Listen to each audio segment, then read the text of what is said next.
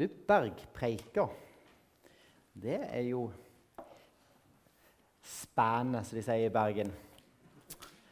Eh, fire søndager er satt av til å ha om bergpreika. Jeg er litt sånn eh, tenker, Skal vi klare det på fire søndager, hele bergpreika? Og da blir det da blir det jo litt sånn de store bilder som vi vil prøve å få fram. Men jeg håper at, eh, håper det skal bli bra. Det er iallfall veldig kjekt å sette seg inn i denne talen til Jesus.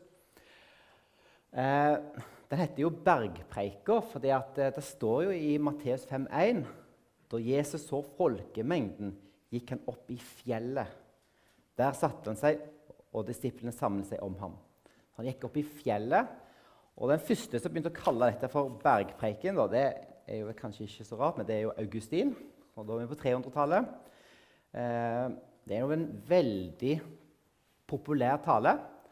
Eh, Gandhi sa at dette var noe av det fineste litteraturen som er skrevet.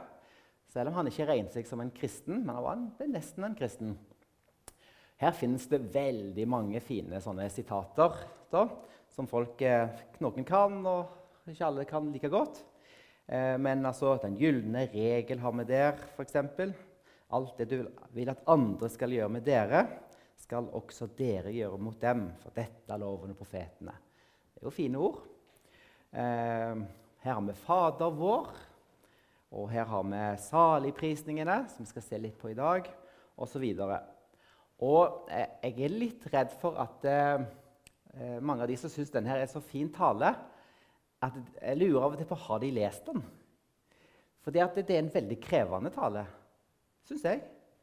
Eh, det, her er det Jesus som går på fjellet, og så taler han til disiplene og de andre som hører på. Og det er ikke småtteri han kommer med. Det veldig, eh, kan være litt sånn vanskelig å forstå en del ting. Jeg tenker at det, hvis vi skal forstå eh, denne talen, hva den handler om, så eh, må vi zoome litt ut. Og da har jeg tenkt bare nå jeg bruker bitte litt tid innledningsvis til å fortelle litt om hvordan denne talen er, er i Matteusevangeliet, og hva Matteus prøver å vise oss med måten han organiserer dette på. Vi har jo fire evangelier. og jeg husker når jeg ble kristen, så syntes jeg det var litt dumt da, at det var fire evangelier. Jeg kunne ikke bare lagt ett. Som så hadde vi liksom en ting å forholde oss til. Men saken er den at Jesus er altfor interessant og altfor stor til at eh, du kan romme den i ett evangelie. Så Johannes har et annet måte å vise hvem Jesus er på. Så du får andre, andre sider av Jesus enn det Lukas gjør, og det Matteus gjør. Og bare For moro skyld så måtte jeg sjekke litt på nettet. da. Eh, eh, I går så var jeg inne på noe som heter amazon.com. Og der tenkte jeg ja, hvor mange biografier er det av Gandhi, da, siden vi allerede har nevnt han. Og Da fant jeg altså på Amazon i, i går, eh, på, så de hadde bøker tilgjengelig, 951 biografier av Gandhi. Og Da sier det seg sjøl at det, det jo, må minst være fire evangelier som er bevart i Bibelen av Jesus, som er mye mer interessant. Så hva er det eh, Matteus har på hjertet? Hva er det han vil vise? Jo, det første vi kan si, det er at eh, Matteus vil vise at Jesus oppfyller profetier om seg sjøl, om eh, Jesus. Matteus vil vise at Jesus han er den Messias som var lovt, og at han er jødenes konge. I Matteusevangeliet har vi ca. Sånn rundt 130 henvisninger til Det gamle testamentet. Og ti ganger så får vi denne frasen Alt dette skjedde for at ordet skulle oppfylles som Herren har talt. Dette skjedde for at ordet skulle bli oppfylt. Ti ganger. Og så er det litt andre plasser der det er skrevet noe lignende. da. Så vil, Matteus vil få fram at Jesus er den, den som var lova. Den som profeten og skriftene talte om. Den lova Messias. Og eh, det gjør han på en veldig genial måte. Det tok mange år før jeg begynte å se at det var, her var det ikke bare det at det, de, de, tingene Jesus gjorde sånn enkeltvis, men hele helheten danner et veldig klart bilde av at Jesus er den lova frelseren, den lova Messias. For eksempel I Gamletestamentet så har vi en veldig viktig historielinje.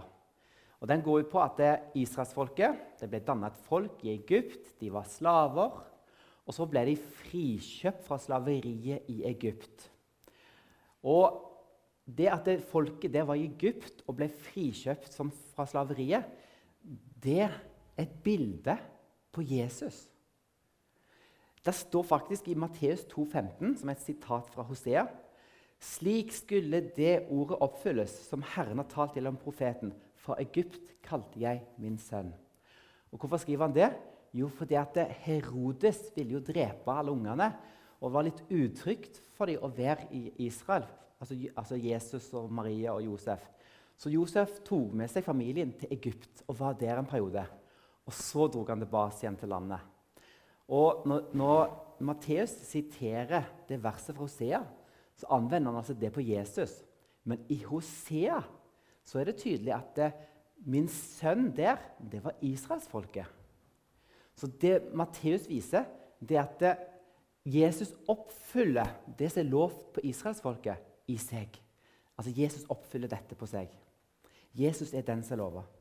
Hva skjedde med Moses, f.eks.? Han også et bilde på Jesus. Han ble nesten drept av farao, men han klarte seg. Jesus ble nesten drept, ikke av farao, men av Herodes. Israelsfolket, hva gjorde de når de var, hadde vandret over ørkenen? De var 40 år i ørkenen. var det. Hva skjedde med Jesus når han innleda sitt virke? Han var 40 dager i ørkenen. Hvorfor var han 40 dager i ørkenen? Han ble satt på prøve, og han ble frista. Legg merke til én ting. At Jesus får tre tester i ørkenen. Og Det er nøyaktig de samme tre testene israelsfolket får i ørkenen. Test 1. Stolte han på Gud når sulten kom? Israelsfolket murra og klagde og var misfornøyde. De stolte ikke på Gud. Djevelen kommer. Du kan gjøre de steinene om til brød. Men Jesus besto prøven. Han stolte på Gud og holdt fast. Israelsfolket satte Gud på prøve i ørkenen. Samme test ble gjort på Jesus. Men han ville ikke teste Gud å hoppe ned fra, te fra tempelhøyden. Jesus besto den testen israelsfolket ikke besto. Israelsfolket, hva gjorde de i ørkenen? Jo, de lagde gullkalven. Og de tilba den, og de, flere ganger så, så, så uh, feila de med at de tilba andre guder. Jesus han ble frista med å gjøre det samme, med å tilbe djevelen. Men hva gjorde han? Han besto testen. Tre tester. Jesus besto alle. Hva sa Jesus når, når djevelen testa han? Jo, han siterte alle gangene fra én bok i Bibelen, nemlig femte Mosebok. Og han Oi, der våkna du, ja. og han siterte fra femte Mosebok kapittel 6 og kapittel 8. Og det som er interessant, er at femte Mosebok da skal altså Gud eh, altså gjennom Moses gi folket, før de kommer inn i det lovede land, loven på nytt. Så Nå blir loven litt på, på nytt igjen, og det blir lest opp at pakten den krever dette. Og Hvis dere følger pakten, så vil det bli velsignelser. Men hvis dere bryter pakten, da blir det forbannelse. Og så har han alle disse her budene, da, og Jesus siterer herfra om disse budene som blir lest opp. Så poenget er Jesus han oppfyller alle de kravene og budene som israelsfolket ikke klarte. Han oppfylte de. Han besto testen. Og så kommer han altså, Etter at han har blitt frista i ørkenen, så går han fram. Og hva, hva gjør Jesus da? Jo, han går rundt og forkynner evangeliet. For nå er han som har lovt, kommet. Den lova Messias er her. Så står det altså I Matteus så får vi altså noen taler her. Eh, ta denne her også. I femte Mosebok så, så sier faktisk eh, Moses noe veldig viktig. Han sier til dem Faktisk er det litt trist lesning rundt det, for han sier at dere kommer til å feile. Det sier han, det er litt sånn trist å lese i 5. Mosebok. Han sier dere kommer til å gå inn til landet, men senere kommer dere til å feile. Men så sier han men en profet som meg vil Herren din Gud la stå fram hos deg, en av dine landsmenn. Han skal dere høre på. Og det er denne profeten som nå kommer og står fram når han da taler i bergpreken. Og Bergpreken det er én av fem taler som du finner i Matteusevangeliet. Og de fleste fortolkerne kommentarene de peker på at det ikke er tilfeldig at det er fem taler i Matteusevangeliet. Hva tror du han vil vise? Jo, det er fem mosebøker. Jesus er oppfyllelsen av alle. Jesus er den nye Moses, den lova profeten, den lova Messias. Han er den som skulle lede folket inn i det virkelige landet. Altså han som fører oss inn i Guds rike. Det er Jesus. Og så er det heller ikke tilfeldig at det står at Jesus gikk opp på et fjell for å tale. I Gamle Testamentet er det sånn at hver gang Gud skal si noe gjennom profeten, noe er viktig, så, så ofte er det altså fjell det blir talt fra. Og her i, Mosebok, i 5. Mosebok også, eller i, i Mosebøken så var det at loven var jo gitt på fjellet. Så dette er altså designa for å vise at Jesus er den lova profeten som skulle komme. Ja, ikke bare profet, men altså verdens frelser. Så så leser vi da Jesus så folkemengden, gikk han opp i fjellet. Der satte han seg, og disiplene samlet seg om ham. Vi vet at det, når en, en, jødisk lærer, en rabbiner, skulle tale til disiplene sine og undervise dem, så gjør ikke sånn som jeg gjør. Her er det liksom dere sitter, og jeg går. Så er vi sånn motsatt. ikke sant? Jeg står her. Men her var det motsatt. De, de satte seg ned, og så begynte de å tale og undervise dem. Og det er dette vi ser her. Jesus setter seg ned, og så samla disiplene seg om ham, og så begynte han å undervise dem. Og Da kan du lure på hvem er det egentlig han underviser til. Det står at det, han tok til orde og lærte dem. Hvem er dem i denne teksten? Jo, Vi så jo at disiplene samla seg om ham. Men jeg tror vi kan si at det er to, to grupper med mennesker som samler seg rundt Jesus i denne dagen. her. Det er disiplene, men så er det òg folkemengden. Og Vi leser i kapittel 7 at når Jesus var ferdig å tale denne bergpreken, hva, hva, hva, skjedde da? Jo, folket var slått av undring. For han talte ikke som de lovlærde, men han talte med myndighet, autoritet. Sånn at det, Han taler til disiplene, men de andre hører òg hva han sier. Og Han eh, står på dette fjellet, og de som har vært der, de kan fortelle at det er plass der der akustikken er perfekt for å tale. Sånn at folk kan høre det langveis om du bare snakker vanlig. Så her hører de hva han sier. da.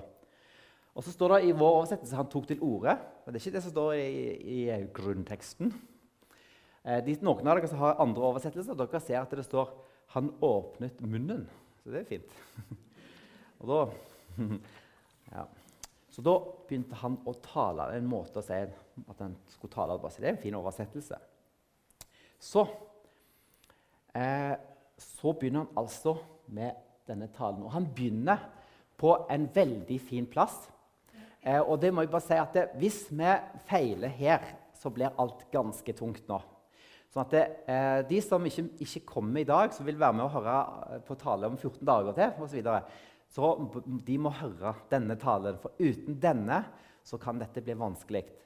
Fordi at eh, Jesus begynner ikke med å fortelle hva du skal gjøre.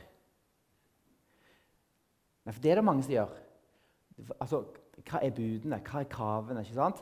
Og Hvis du leser Bergpreken og hopper over kapittel 5, bare begynner i kapittel 6, så blir det tungt. Da blir det vanskelig. Men alltid er det sånn at først må vi ta utgangspunkt i hvem er vi som kristne. Hvem er du i Kristus? Så han begynner ikke med bud og krav, men han begynner med saligprisningene. Det er altså så utrolig viktig at jeg kommer til å si det så mange ganger til dere at dere kommer kanskje de blir lei av at jeg, at jeg sier det, men det får bare stå sin prøve, for dette er viktig. Det er veldig mange som forkynner i dag, som forteller om Oi, det jeg igjen. Forteller om kravene som vi må gjøre. Så de leser, de, blå, de leser flott Efeserbrevet. Så står det uh, forskjellige ting der. Lyv ikke for hverandre. ikke sant? Og nå må vi gjøre det. Og Det er rett, det som står der, men hvis det er det at vi skal skjerpe oss, så blir dette vanskelig. En har sagt at det, Bergpreken du leser den feil hvis du tror at du kan lese den for å vite hvordan du skal bli en disippel av Jesus. Nei, du skal lese Bergpreken fordi du er en disippel av Jesus. Det er altså så utrolig viktig. Og Derfor så begynner Jesus med det viktigste grunnlaget, det vi må starte, nemlig med saligprisningene og beskrivelsen av disse. Og Hva er en saligprisning? Det, det ordet der tror jeg folk bruker litt sjeldnere i dag. Men jeg har hørt noen si at han så så salig ut. Det betyr at han så ut som han hadde det utrolig godt. Ikke sant? Spiste middag, og så jeg tror du skal sitte ned og spise god sushi. Det synes, da tror jeg at du har sagt at han så salig ut. Da lukker jeg øynene og bare nyter det. Så vet hva det. Så, men salig Noen oversettelser har lykkelig, oversetter det med 'lykkelig'. Men lykkelig det er litt sånn, eh, det er litt sånn feil ord her. For ordet 'lykkelig' det betyr sånn, det er litt sånn hvordan du føler deg. Jeg er så lykkelig. ikke sant? Men saligprisningen det er liksom det, det forteller Den som er salig, den har det rett. Den er der du skal være. Den har det på den beste måten. Ikke bare hvordan du føler det, men virkelig i det lange løp. Det er en, et, en, en veldig sånn lykkeønsking av Eh, og hvordan du, ha, altså det, hvordan du, virkelig skal ha det bra. Eh, og Det greske ordet det er makarios. Og når Jesus eh, begynner nå, så er det egentlig lykke. Han gratulerer altså oss med vår stilling, hvordan vi har det. Med vår lykke eller vår eh, glede i Gud, kan du kanskje si. Så det er litt sånn vanskelig ord. Men altså salig. Så sier han 'salig er de som', og så kommer det videre. Og Ser dere det bildet jeg har på veggen der? Så det er bilde av noen perler. Og noen sier at dette er sånn, en sånn streng av perler som kommer her. Så nå skal jeg lese denne teksten for dere i, i sammenheng.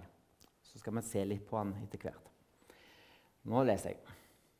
Da Jesus så folkemengden, gikk han opp i fjellet. Der satte han seg, og disiplene samlet seg om ham. Han tok til orde og lærte dem. Salig er de som er fattige i ånden, for himmelriket er deres. Salig er de som sørger, for de skal trøstes. Salig er de ydmyke, for de skal erve jorden. Salig er de som hungrer og tørster etter rettferdigheten, for de skal mettes. Salig er de barmhjertige, for de skal få barmhjertighet. Salig er de rene av hjerte, for de skal se Gud. Salige er de som skaper fred, for de skal kalles Guds barn. Salig er de som blir forfulgt for rettferdighets skyld, for himmelriket er deres. Ja, salig er dere når de for min skyld håner og forfølger dere, lyver og snakker ondt om dere på alle vis. Gled og fryd dere, for stor er lønnen dere har i himmelen. Slik forfulgte de også profetene før dere. Jeg tror at de første som hørte dette, må ha vært veldig sjokka. Men jeg tror de må ha skjønt, noen av dem må ha skjønt noe her, men ikke alt. Men dette er altså ganske spesielt, det Jesus sier her. Han snur verden opp ned, kan du kanskje se. Så her er beskrivelsen. Salig han sier egentlig på grunnteksten 'salig de fattige i ånden'. Altså Verbet er ikke der. Salig de fattige i ånden. Han erklærer dem for å være det. Og hvem er dette? Og jeg tror at det, de som leste Bibelen, eh, altså de som hørte den talen første gang, og var vant med å, å, å lese Gammeltestamentet. For jødene de var ganske flinke og, og satte vektlagt lesning av Skriftene. De skjønte noe her som jeg tror kanskje en moderne leser går glipp av. Fordi at de hørte ord her som gjorde at de ledet tanken på rett vei. Det er litt sånn som hvis jeg sier til dere nå bare tenk nå, Hva, vil, hva, hva forbinder dere dette med hvis jeg sier pølse, is, flagg, tog? Dere er på 17. mai. Dere skjønner at han snakker. Jeg har ikke sagt det, men dere skjønte med en gang. Hvis jeg sier bål, grilling, eh, regn ja. eh, og leker, da er dere på sankthans. Skjønner dere?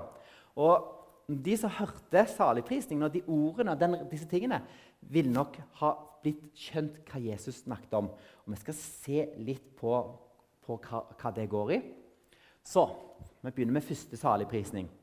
Salig er de fattige i ånden, for himmelriket er deres. Fattige i ånden, hva betyr det egentlig? Er det noen som har 78-oversettelsen? Der står det litt annerledes. Der står det 'Salig er de fattige i seg selv'. står det. Som kanskje fanger opp betydningen litt av det. Hva vil, si å være fattig i ånden? Jesus talte disiplene. De var jo fiskere, mange av de. Og Matteus var vel kanskje kommet med her nå. Eh, han var jo en rik mann, men likevel så snakker han her om noen fattige. Og jeg kan bare si Det at det er to greske ord de bruker for å være fattig. Og Det ene ordet det er penes. Og penes det betyr altså å leve fra hånd til munn. Da er Det liksom, det er så vidt det går. Det er de fattige. ikke sant? Så det er et annet ord som heter petosjes, eller noe sånt. Sikkert, uttaler det sikkert helt feil, men uh, har lest hva det betyr. da. Og når du er petosjes, eller petosjos, da er, du, da er du i total ussel fattigdom. Da lever du ikke fra hånd til munn. Da har du ingenting. Du har ingenting.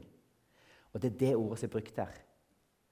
Sa, og det er veldig rart at Jesus sier det. Lykkelig eller salig er de som er totalt fattige i sin ånd. Det er veldig rart. Men grunnen er jo for himmelriket er deres. De har alt. Og når du hørte dette ordet 'fattig i ånden', så tror jeg at er en jøde som leste Bibelen sin ofte, skjønte allusjonen her til salmene. Men jeg er hjelpeløs og fattig, står det i Salme 40. Herren skal tenke på meg. Du er min hjelp. Du berger meg da jeg ikke lenger min Gud. Eller og så videre en bønn der. Vend øret, Herre, svar meg, for jeg er hjelpeløs og fattig. Ser dere hvem dette er? Dette er en som bare står med hendene og tigger. Som er avhengig av Guds hjelp. Salig er de fattige i ånden, for himmelriket er deres. Da skjønner dere hvor viktig dette er.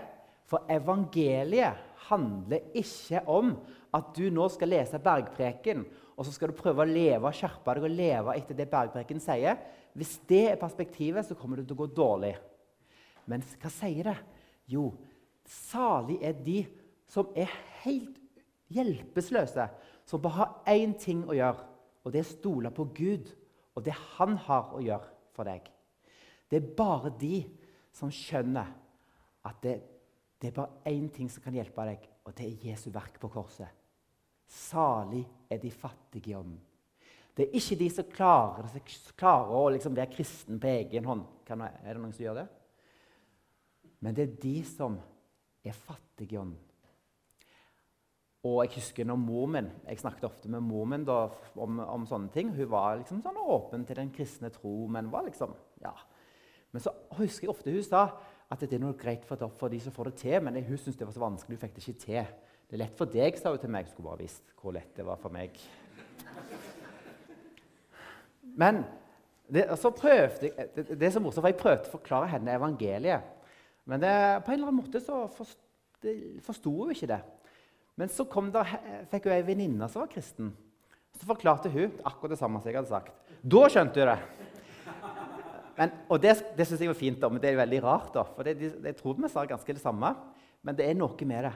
For da, en eller annen dag så ringte hun til meg og så sa hun det har skjedd noe, Tor Espen. Jeg er blitt en kristen. For da hadde hun skjønt at det handler ikke om de som får det til. Det handler om de hjelpeløse, de som ikke får det til. Det handler om hva Jesus har gjort for oss. Vi får det ikke til, men Jesus har fått det til for oss. Israel besto ikke testen i ørkenen, men Jesus besto den for oss. Skjønner dere det, skjønner dere det henger sammen, dette her? Jesus oppfylte loven for oss fordi vi klarte det ikke. Det er evangeliet. Jeg må bare få si en ting til. Det er noen sånne moderne oversettelser som skal prøve å gjøre det litt enkelt for oss. Og her, Jeg fant ikke alle, men denne fant jeg. En levende bibel. Og det, det, det er litt skummelt med disse. Bare en liten sak med det. Lykkelige er de som innser at de trenger Gud. Um, det er ikke sikkert alle innser det, men de stoler likevel. Skjønner du? For det, Dette er litt skummelt når du begynner også, Dette er avhengig av hva du gjør her, at du innser det. Så mentalt sett så er det ikke det at du vet du er fattig, men du, er, du bare skjønner du trenger den hjelpen. Det er det. Så litt sånn småskummelt, det der. De som er salige, er de som vender seg om til Gud og bare stoler på Han. Det er evangeliet. Så sier han, salig er de som tørs, sørger, for de skal trøstes. Er ikke det litt rart? Sørger. Salige de som sørger. Hvis du, sier, hvis du, oversetter, hvis du oversetter ordet med 'lykkelig', så tenker jeg at å sørge det er liksom motsatt av de triste. De, de, er ikke lykkelige. Så det står egentlig 'lykkelig de ulykkelige', hvis du tenker sånn. Men saken er at det er en annen form for lykke her. ikke sant? Og den sorgen som er her hvis du, inn, hvis du ser at du er totalt avhengig av Gud fordi at det, du får det ikke til, og du ser din synd, hva gjør dette med deg? Når du ser din synd, så skjønner du at det var pga. den at Jesus døde på korset for deg. Ja, Det gir en sorg i oss. Det gir en sorg, For vi skjønner at vi har gjort opprør mot Gud. Men de som sørger, de skal trøstes. I Salme 38.: Ja, jeg kjenner min skyld og sørger over min synd. Skynd deg og hjelp meg, Herre, min frelse. Salig er de ydmyke, for de skal erve jorden. Jorden det ble noen oversettelser oversatt med 'landet'. Det greske ordet det er G, altså GE. Det har vi fra ordet geografi. Jord, altså han har med jorden å gjøre. Eller geologi. Men vi har det fra geometri, som betyr landmåling. Så det betyr altså land eller jord. da. Og betydning er ikke så farlig. Det viktigste her er at det, Israelsfolket skulle jo arve landet. Og her står det altså de ydmyke skal få arve landet, eller jorden.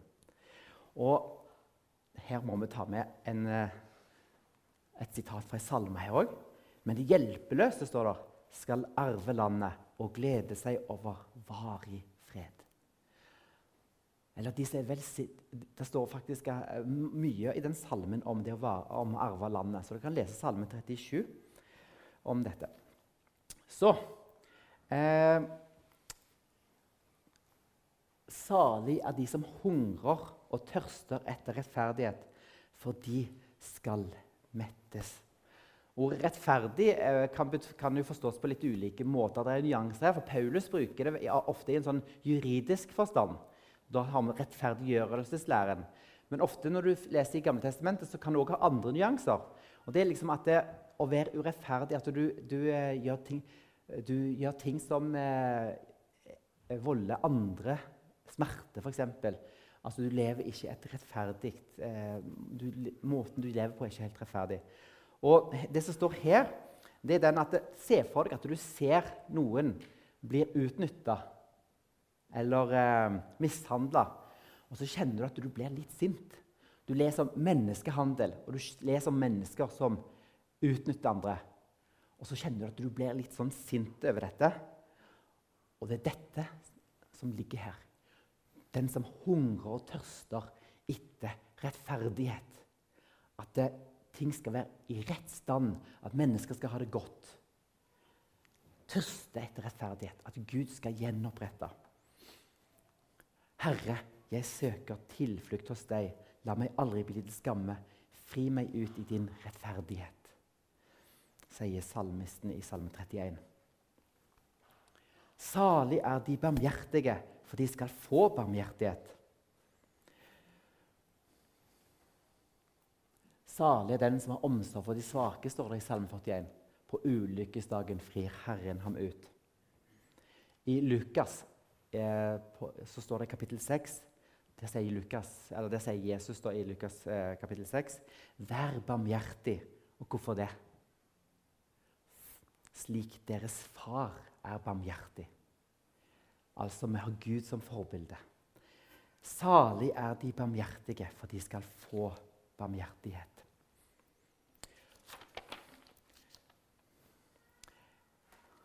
Salig er de rene av hjerte, for de skal se Gud.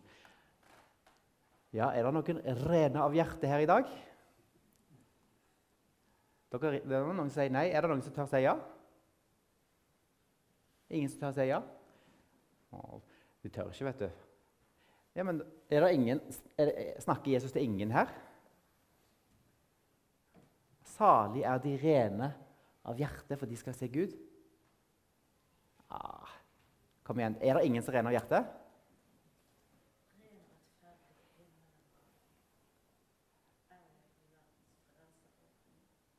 Ah, herlig. Ren og rettferdig, himmelen verdig er jeg i verdens frelser alt nu. Riktig. Vi er ren og rettferdig. Føler du deg ren og rettferdig? Jeg kan si til deg at jeg, eh, jeg, har, jeg har, følt meg sånn, jeg har følt meg ren og rettferdig kanskje én gang i livet mitt. Ja. Ellers, liksom, ellers kom den der sørgen over syndene som ødelegger dette. da. Men én gang har jeg følt det, og det var når jeg ble nyfrelst. Da husker jeg at, det, at det, jeg fikk en sånn fornemmelse av at, det, at jeg var sånn ren. Fordi at jeg hadde blitt, jeg hadde blitt fått tilgivelse. Så akkurat da følte jeg det så utrolig godt at, at min synd var sona. Og jeg trenger ikke gjøre noen ting. Og nå vet jeg dette mentalt, men bare jeg husker så godt den følelsen av å være ren. At jeg, uh, det var ingenting. Gud har gjort det i Kristus. Jeg er ren og rettferdig himmelen verdig. Og så vet dere hvordan det har gått etterpå. Eller kanskje ja, dere vet hvordan det har gått etterpå. Det var jo ren og rettferdig, men så gikk det ikke så lange tid. Og så ja, ja, der kom det litt sånn urenhet inn der, og der var det litt sånn og litt sånn. Så denne renheten, den var jo sant, Vi synder. Alle mennesker synder. Så en salme jeg har, eh, når jeg var nyfrelst, så skjønte så salmene syntes jeg var litt vanskelig. Da. Det leste jeg ikke så mye av. De senere årene har jeg begynt å lese. Da tror jeg jeg har litt med alder å gjøre. Jeg har inntrykk av at eldre du blir, til mer leser du salmene. Er det rett? Jeg, jeg vet ikke. Men jeg i fall begynte å lese mer og mer salmer. Men én salme lærte jeg å lese. Og det var salme nummer 51. For den kjente jeg meg litt igjen i. Ikke det, hadde, ikke det, at jeg hadde, gjort like gale ting sånn menneskelig sett som uh, David, men Salme 51 er skrevet etter Nathan kom og avslørte David at han, han hadde gjort med Batseba og alt det her. Og Der står det altså Ta bort min synd med isop, så blir jeg ren. Vask meg så jeg blir hvitere enn snø. La meg få oppleve fryd og glede. La lemmene du knuste, få juble. Skjul ditt ansikt for mine synder. Utslett all min skyld. Gud, skap i meg et rent hjerte. Gi meg en ny og stødig ånd. Skap i meg et, eh, eh, et rent hjerte. Så det, var en sånn sang som vi sang alltid når vi gikk i laget. Den, den går sånn så Create in me a clean heart. Kan dere den? Skal jeg synge den? Nei? det skal jeg ikke. Jeg er veldig frista til å gjøre det, altså, men jeg skal ikke gjøre det. Skal vi, skal. Ok. Salige er de som skaper fred, for de skal kalles Guds barn. Salige er de som blir forfulgt for rettferdighets skyld, for himmelriket er deres. Du, jeg sa til dere dette med 17. mai og sankthans. Jeg vet ikke om dere skjønte hva jeg mente, men nå har jeg lyst til å forklare dere hva jeg mente. Fordi at de som hørte de salige prisningene, er jeg overbevist om hørte gjenklang fra salmene og Jesajas bok spesielt. For det er mange henvisninger til det som står i salmene, og særlig Jesaja kapittel 55 til 57 og Jesaja 61 og 66. Så det er litt sånn forskjellige henvisninger her. Og det kan jeg si til dere at Nå har jeg tatt med noen sitater og vist dere de. Og, og det, du, det, du, det, bildet som nå vokser fram når du leser saligprisningene, det er at de salige, alle beskrivelsene vi hadde, det står i sammenheng der salmisten f.eks. Eh, priser Gud for et eller annet, og i tillit venter på at Gud en dag skal, skal altså Han setter sitt håp til Gud, at Gud en dag skal hjelpe til. Så eh, saligprisningen eh, må ha minnet folket om skriftsteder i Bibelen der Gud har altså lovt å berge dem. Der Gud har lovt å være trofast. Dere så alle de versene jeg tok. Det var ikke bare det at det var liksom sånn at det var de ordene ble brukt, men det var alltid et løfte med at Gud skulle berge dem. Og det er poenget her.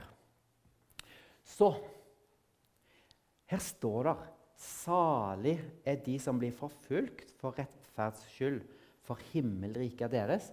Sal, og verset før der, Salig er de som skaper fred, for de skal kalles Guds barn.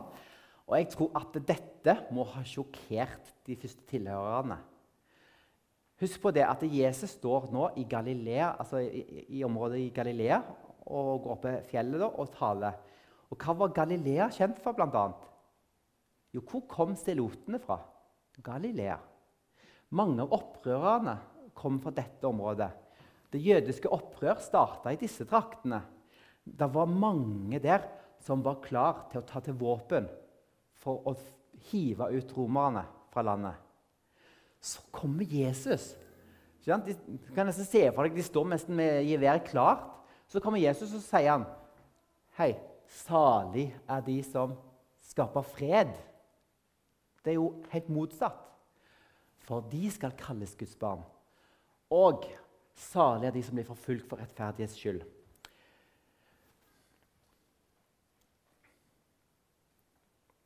Oppe i åsene i, uh, i området der som Jesus holdt bergpreken, der er det noen huler. I de hulene var, der pleide å, av og til opprørerne å gjemme seg. Og eh, Josefus mener det. Han skriver at eh, Herodes Eh, en generasjon tidligere røykte ut disse opprørerne fra hulene for å ta dem. Altså, dette var geriljaområdet. Så det at Jesus kommer her og sier dette, det må ha vært ganske, ganske sjokkerende. Men det er ikke nok med det. Jesus fortsetter etter han har sagt dette. Han sier noe som er veldig spesielt. Og han sier, 'Salige er dere når de for min skyld håner og forfølger dere, lyver og snakker ondt om dere på alle vis.' Gled og fryd dere, for stor er lønnen dere har i himmelen. Slik forfulgte de også profetene før dere. Salige er dere når de for min skyld Hva er det for en prat? I Gamle testamentet så ble profetene de ble liksom eh, steina og herja med og, og, og, forfulgt fordi at de var lydige mot Gud. Men her står altså Jesus fram, og så sier han salig er dere når de for min skyld gjør dette. Så Jesus han, han eh, viser her at han er ikke hvem som helst. Dette er Guds sønn, og vi står på hellig grunn. Og Jesus i hele bergpreken snur verden opp ned. Ikke skape krig, men fred. Det er ikke de rike som er de lykkelige eller de salige. Det er de fattige i ånden. Det er Jesus som har gjort det. Så Det Jesus viser altså i bergpreken så langt, det er at det, dette må være klart før vi begynner. Det er ikke de som får det til, som er de salige. Det er de som har satt sin lit til Han. Det er de hjelpeløse. Det er de fattige. De er det som er de salige. Og merk dere én ting. Det er ikke åtte forskjellige typer mennesker som det her ble skrevet. Det, det er de samme.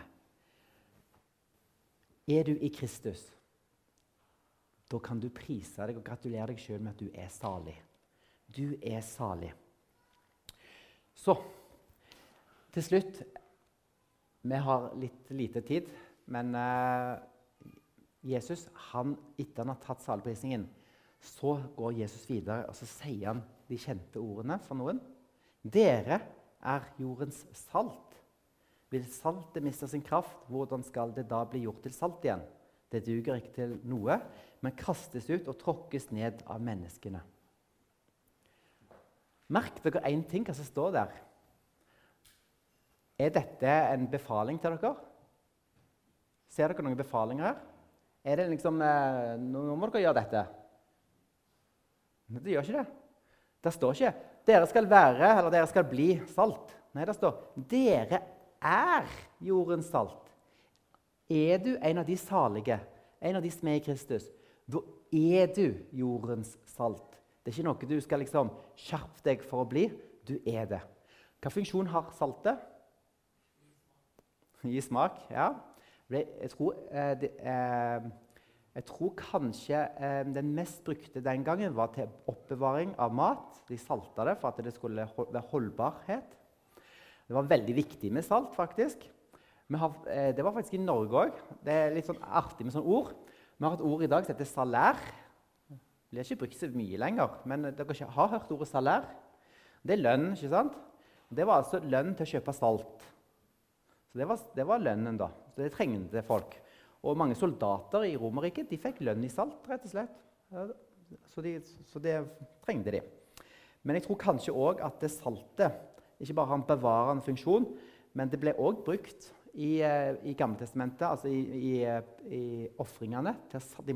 En del av ofrene måtte saltes fordi de var innvidd til Gud. Så betydningen her er vanskelig å vite hva betydningen er. Men jeg tror at vi kan lære av dette at vi er jordens salt. Det betyr at vi, vi skal ikke bare være her inne på et bedehus, men vi skal være til nytte for alle mennesker. Så, dette er starten på det som kommer se senere, som vil forklare hva betyr dette i praksis. Det dere vil at andre skal gjøre mot dere, skal dere gjøre mot dem. Ja, det var vel rett sitert, tror jeg. Så får vi òg bildet med lys. Dere er verdens lys. En by som ligger på et fjell, kan ikke skjules. Heller ikke tenner man en oljelampe og setter den under et kar. Nei, man setter den på en holder så den lyser for alle i huset.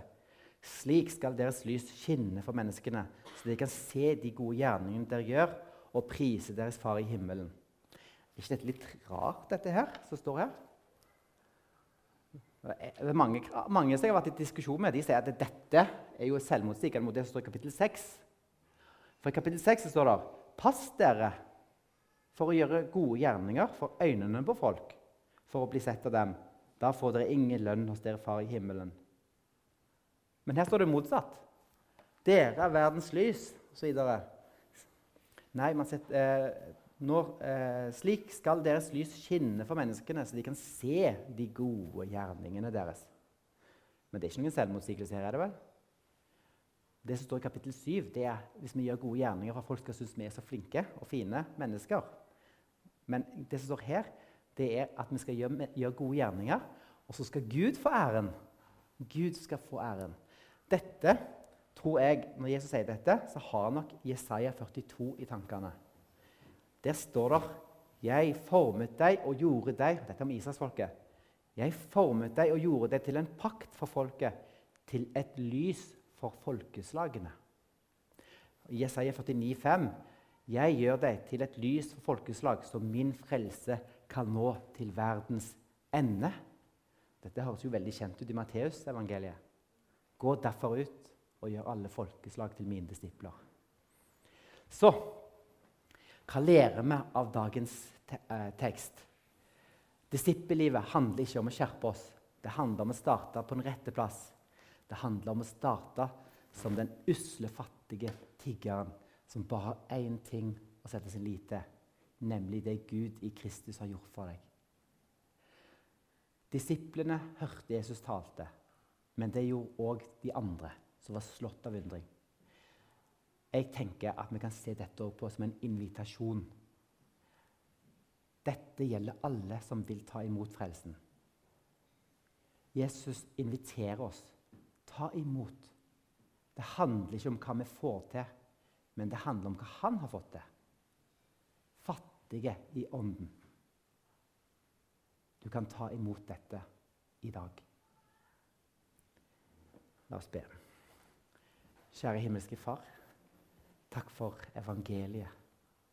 Takk at det er det du har gjort, som teller. Herre, takk for at uh, vi kan få lov til å komme fram for deg som fattige. Fattige ånd. Og så lover du oss himmelriket. Takk at frelsen den er åpen for oss alle. Alle som tok imot, tar imot deg, Herre.